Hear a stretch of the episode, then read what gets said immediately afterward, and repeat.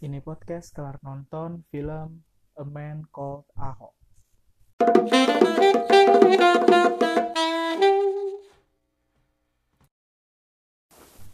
Ya, kali ini gue baru habis kelar nonton film A Man Called Ahok. Uh, film yang menceritakan tentang fil uh, biopiknya, biografinya tentang uh, Bapak Basuki Cahayapurnama atau Pak Ahok yang diambil sudutnya tuh lebih ke arah uh, masa dia di Belitung dan bagaimana keluarganya terutama bapaknya membentuk karakter Pak Ahok yang kita kenal sekarang ini. Uh, kenapa gue pengen nonton film ini karena uh, sejujurnya gue selalu suka film tentang biografi orang tokoh ya tokoh uh, dari mana pun sisinya karena gue senang mempelajari uh, tentang nambah pengetahuan tentang tokoh-tokoh aja gitu.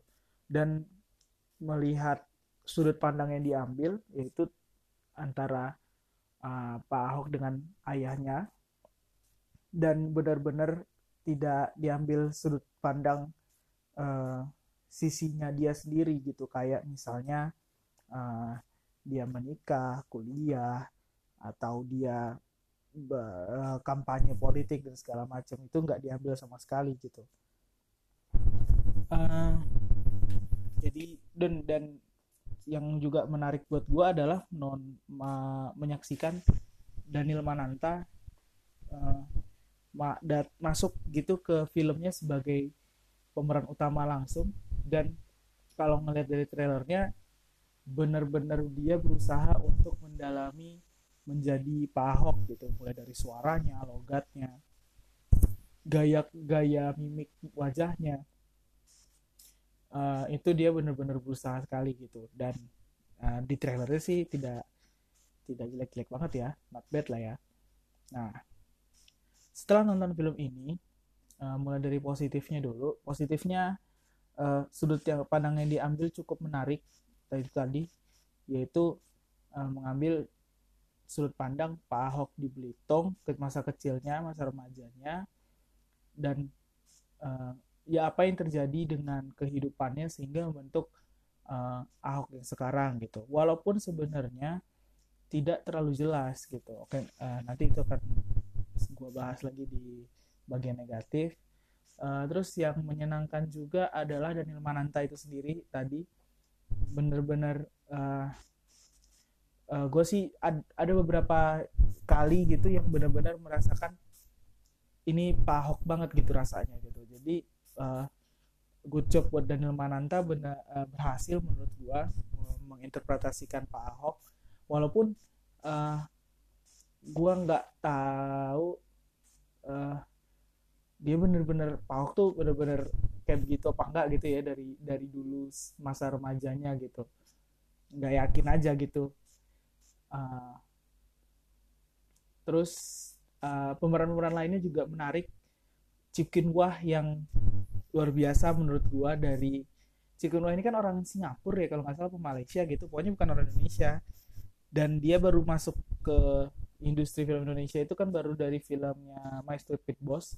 Dan di situ pun dia sebenarnya masih melayu-melayu gitu. Tapi di sini dia benar-benar uh, menguasai untuk menjadi orang Belitung itu terutama dari aksennya. Dia bukan lagi kayak Cekenwah yang lu nonton di My Stupid Boss yang Melayu banget atau di film Cek Toko Sebelah yang uh, Tionghoa banget gitu Cina banget. Di sini gue merasakan dia Belitung banget gitu malah bener-bener uh, aktor yang luar biasa sih menurut gue uh, terus uh, apalagi ya yang menarik yang positif dari film ini eh menurut gue itu sih. Nah, dan negatifnya sorry itu saya agak banyak kayaknya menurut gue terutama pertama cerita. Gue nggak baca bukunya kan ini cerita diangkat dari bukunya ya kalau ada yang tahu. Nah gue tuh nggak baca bukunya. Uh, jadi gue nggak punya ekspektasi apa pun untuk film ini gitu. Nah kalau diangkat dibilang ada ini diambil dari sudut pandang bagaimana bapaknya Pak Ahok membentuk dia di keluarga gitu karakternya dia. Yang gue rasain tuh nggak nggak nggak nggak bener-bener kelihatan gitu bahwa this is how uh, bapaknya Pak Ahok men, mengajari memberikan ilmu tentang karakter ke Pak Ahok. Yang gue rasa malah emang Pak Ahok dari kecil emang begitu orangnya gitu cuman ada satu momen lah yang kelihatan bahwa uh, hasil tapi itu juga bukan memperlihatkan uh, ilmu yang datang dari bapaknya tapi lebih ke arah bapaknya sudah melakukan hal ini ini Ahok kecil melihat bapaknya kemudian belajar gitu. Jadi bukan langsung diturunkan dari bapaknya gitu. Yaitu pas momen uh, Pak Ahok kecil itu membantu orang hamil gitu uh, dari situ kayaknya momen memang ini buat uh, memperlihatkan bahwa uh, bapaknya Pak Ahok tuh berhasil mendidik uh, Ahok kecil untuk berkarakter seperti itu. Bah, nah, ketika Pak Ahok jadi dewasa, udah itu udah langsung menurut gue langsung jadi Ahok yang kita kenal sekarang. Pak Ahok kita sekarang yang yang nggak bertele-tele, yang melawan birokrasi, yang uh, apa ya, yang jujur banget gitu. Dan dan itu uh, nggak kelihatan aja gitu. Nggak kelihatan bahwa itu adalah ajaran dari orang tuanya. Menurut gue seperti itu. Jadi ceritanya menurut gue ya biasa aja. Kalau andaikan Pak Ahok ini bukan siapa-siapa gitu uh, andai atau an, ya andaikan Pak Ahok sekedar pejabat yang tidak dikenal seluas ini gitu ya udah ini jadi cerita yang uh, penuh dengan moral yang terucap aja gitu bukan bukan moral-moral yang implisit gitu. Ini benar-benar mo pesan moralnya ya yang diucapkan sama pemain-pemainnya udah gitu. Nah, terus banyak hal-hal mengganggu buat gua di film ini. Pertama subtitlenya uh, banyak yang translatean yang nggak pas. Terus di awal-awal film timing subtitlenya uh, kacau menurut gue tidak pas juga. Jadi mengganggu gitu. Karena nah yang bikin mengganggu juga nggak gue nggak tahu ya tapi bahasa Belitung kan tetap beda ya dari bahasa Indonesia pada umumnya.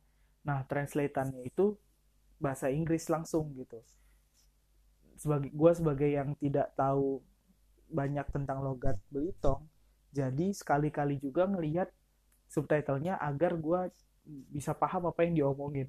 Tapi subtitlenya nggak nggak pas juga gitu jadi agak susah menerima apa namanya menerima dialognya beberapa dialog gitu. Terus yang kedua hal yang mengganggu lagi adalah uh, apa ya pertumbuhan umur pemain-pemainnya buat gue sih aneh sih. Jadi kalau uh, yang nanti nonton jadi bapak Ahok muda diperankan oleh Deddy Sumargo.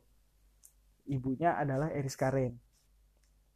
Begitu Ahok dewasa nah itu kalau kalau dilihat Deddy Sumargo sama Eris Karen masih agak seumuran gitu ya. Kelihatan kelihatannya bahkan di film buat gue sih seumuran begitu Ahok dewasa bapaknya langsung setua Cekinwah tapi ibunya se Sita Nursanti gitu yang memerankan. Jomplang banget gitu umurnya kayak bahkan ada satu momen ketika uh, uh, bap bapak ibunya Ahok dewasa sudah uh, berpelukan gitu lebih kayak bapak dan anak nggak kayak suami istri gitu. Aneh banget menurut gua yang gua rasakan jadinya kayak ini sutradara atau produser pengen banget cekin wah main tapi tidak mengusahakan mengusahakan pemain-pemain lainnya untuk seimbang gitu dengan si Wah. At least mungkin si Tanu Santrinya didandanin lebih tua gitu kayak kayak Doni Damara ketika dia muda terus ketika tuanya dia lebih jenggotan lebih agak keling kayak gitu. Jadi kelihatan pertumbuhan umurnya benar-benar uh, jadi dewasa gitu. Bahkan uh, Ferry Salim yang berperan sebagai Ko Asun ketika Ahok kecil dia kelihatan seumuran dengan Deddy Sumargo bapaknya uh, Ahok gitu.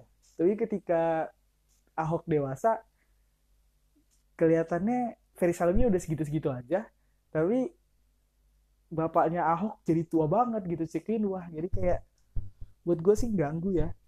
Nggak jadi nggak nyambung konsepnya gitu. Teater of mainnya nggak nggak kebentuk dengan baik gitu. Terus apalagi? Hal-hal yang mengganggu uh, pemeran anak-anaknya menurut gue tidak ada yang cukup oke okay, gitu. Uh, karena ya karena kalau itu sih juga karena benchmark Belitong tuh pemeran anak-anak di Laskar Pelangi which is mereka bagus-bagus banget gitu. Di sini nggak terlalu dapat gitu. Terus hal yang mengganggu juga menurut gue logat Belitongnya tuh juga beda dengan yang kita tahu dari film Laskar Pelangi gitu. Ini tuh berasanya gue nggak tahu logat Belitung seperti apa tapi yang berasa adalah logat Belit Belitongnya itu dibuat-buat di dibuat-buat banget berasanya uh, apa namanya artikulasi kata-katanya penyebutan kata-katanya gitu. Nggak nggak nggak nggak natural aja gue rasa. Gue juga nggak tahu apakah memang uh, seharusnya kata-kata itu jadinya kalau di bahasa Belitung seperti yang diucapkan di dialog atau enggak karena gue nggak tahu. Jadi gue kayaknya gue agak terganggu aja gitu. So ya jadi kesimpulannya sebenarnya kalau kita baca berita ya uh, bahwa di MDB angkanya sampai delapan setengah ya menurut gue terlalu overrated ya. Ini film uh, harus fair biasa aja gitu. Kalau tidak ada pesan moralnya juga ya jadi film yang lebih biasa lagi gitu. Jadi kalau gue menilainya uh, ada di angka 6 lah 6 dari 10 uh, so itu tentang film Man Called Ahok uh, semoga cerita gue bisa men-encourage lebih untuk membuktikan sendiri apakah gue benar tentang film ini atau gue salah ya banyak. Silahkan dikomentarin aja. Uh, tapi yang penting uh, film ini penting untuk kita bisa mengenal Pak Ahok lebih jauh aja. Mengenal orang baik salah satu orang baik yang ada di Indonesia gitu uh, itu aja dari gue terima kasih.